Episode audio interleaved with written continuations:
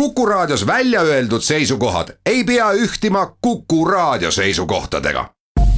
Te kuulate Kuku Raadiot.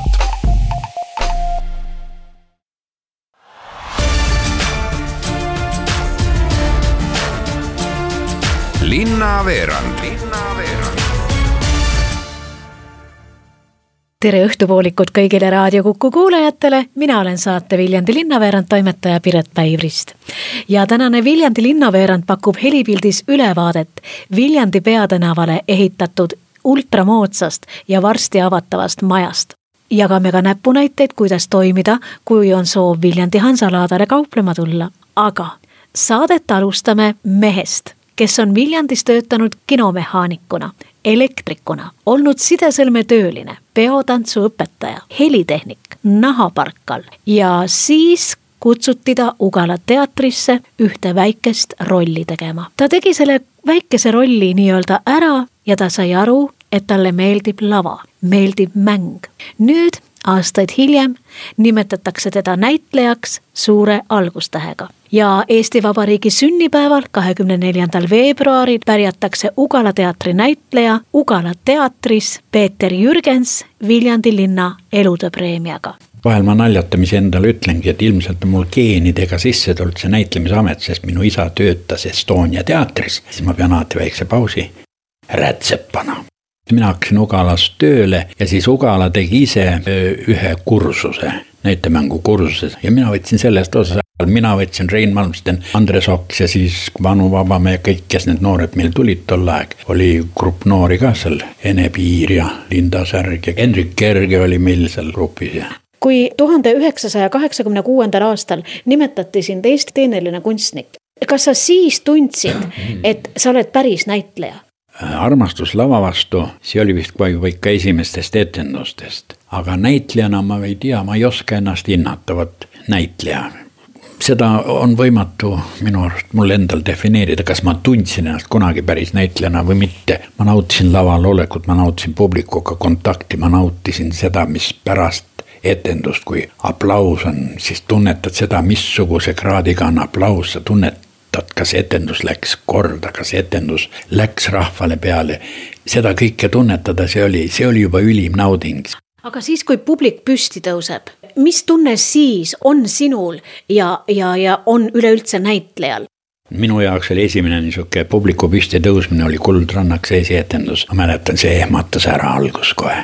sest siis tol ajal ei olnud üldse kombeks püsti tõusta, kas kuldrannake ongi jäänud sinu sees helisema või heliseb sinu sees veel mõni etendus, mõni lavastaja, kui sa teatriloole, teatrielule tagasi mõtled? Neid, mis noh, nagu hinge on jäänud helisema, neid tükke on minu jaoks ikka päris palju, sest ma olen selle pika aja jooksul ikka, milles ma olen osalenud, on väga palju praegu ma olen sihuke pedant, kes paneb kirja alati. no palju on siis? sada kaheksakümmend kuus tükki olen, milles olen osalenud.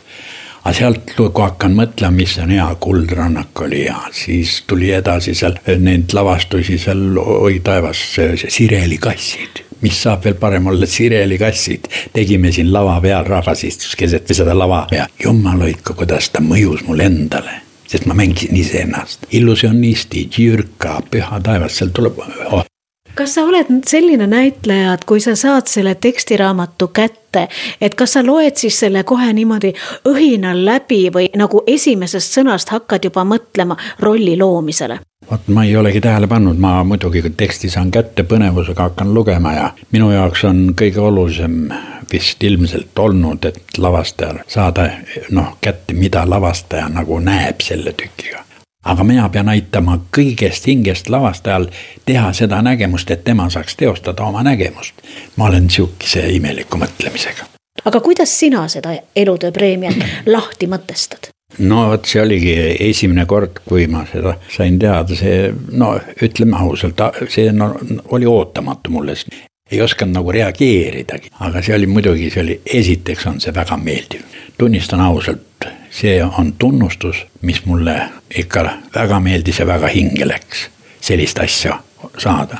aitäh Ugala teatri näitleja Peeter Jürgens selle armsa intervjuu eest Viljandi Hansapäevad toimuvad tänavu seitsmendast üheksanda juunini ja aastaid kuulsust kogunud Viljandi Hansalaadal on muutusi. hansaturg on nimelt jaotatud nii-öelda kaheks, toiduturg ja hansaturg. toiduturg toimub Rubini platsil ja hansaturg ehk siis Viljandi Hansalaat Viljandi raekoja ees ja Vanalinna tänavatel. aga Viljandi Hansalaadale registreerumisel on mõningaid muutusi jätkab Viljandi Hansalaat peakorraldaja Kätrin Hanschmidt.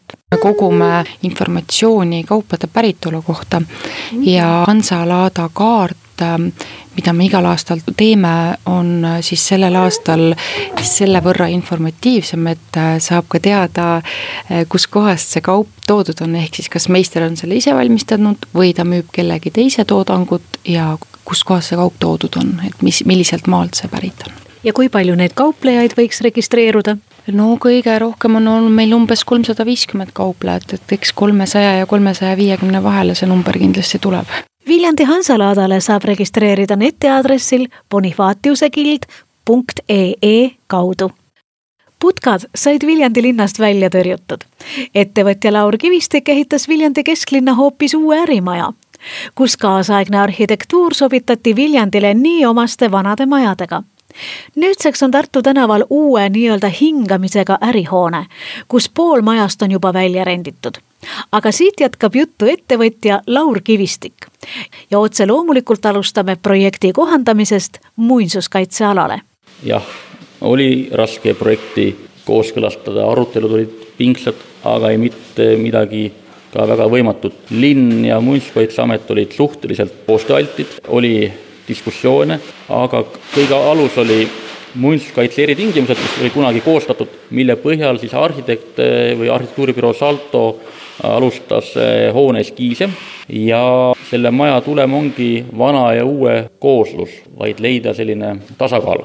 ja me arvame, et me oleme selle leidnud. me mõtlesimegi, et nii-öelda, kuna see on ikkagi, Tartu tänav on üks Viljandi peatänavaid, et hoone peab olema esinduslik ja mis endale loomulikult ka meeldiks ja tasuks, tasuks ka ära ongi klaas, klaas ja veel kord klaas ja, ja, ja to, teda toetavad seinad niimoodi või?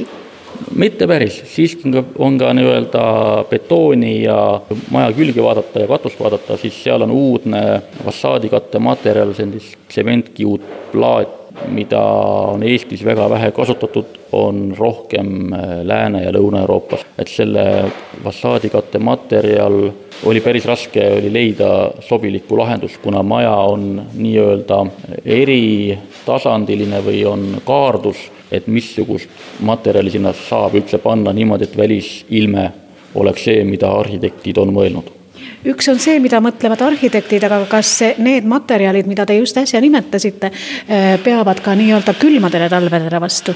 just, peavad. mida te selle maja juures veel nii-öelda uuenduslikuks ütlete? eespool mainitud fassaadikatte materjal ja võib-olla ikkagi see välisilme on suhteliselt uuenduslik, mitte ainult Viljandi mõistes, et eh, maja, ütleme siis katuselga, mis silma jääb, on väga keeruline ka insener-tehniliselt. kui vaadata, siis maja on nii-öelda nagu, kuidas ma siis ütlen, propelleris või ta on äh, ära käänatud ja väänatud, sinna midagi nagu peale ehitada või materjale panna, on vaja kümme korda mõelda. konstruktiivne lahendus oli hästi keeruline, seda tegi üks Tallinna projekteerimisbüroo, aga koha peal tuli ikkagi leida kompromisse ja uusi lahendusi. pigem mitte isegi mitte kompromisse, vaid tuli ka palju teha nagu ümber sest see osutus päris keeruliseks. no kui me arhitektidest räägime, siis kes selle maja arhitekt on? arhitektuuribüroo Salto ja täpsemalt siis eh, Ralf eh, Lõoke ja Helin Vahter on eh, juhtivarhitektid. mis siia majja tuleb? siia majja tuleb kahele esimesele korrusele SEB Pank nüüd peatselt ja kolmandale korrusele, kus on kaks büroopinda, tulevad büroopinnad, millest üks on välja üüritud ja teine veel ootab posilast. millest selline tahtmine ehitada nii huvitav maja? jah, ega ma tahtsingi teistsugust maja teha. kuna mulle kuulub kogu see kinnistu sinna, kus on ka teised majad peal, siis see oli nagu arenduse nagu loomulik jätk, et see ongi põhimõtteliselt nagu viimane hoone, mida siia sai teha. kuidas teile üldse Viljandi linna arhitektuur tundub nüüd, kui teil on see maja nii-öelda püsti pandud? on häid näiteid, on halbu näiteid. halbu näiteid ei tahaks väga välja tuua, aga no ajastutel on erinevaid maju tehtud, mis on selle ajastule kohane olnud võib-olla. Õnneks on linnal nõudmised kõrged, täpsemini vaadatakse projekte, mis sobitub ja materjale ja asju, et, et ka linnavalitsuse professionaalsus kasvab head Raadio Kuku kuulajad, tänaseks on Viljandi linna teemad räägitud. saate Viljandi linnaveerand toimetaja Piret Päiv-Rist soovib kõigile teile mõnusat olemist Raadio Kuku seltsis. ja Viljandi linnaveerand tuleb taas märtsis. Kuulmiseni.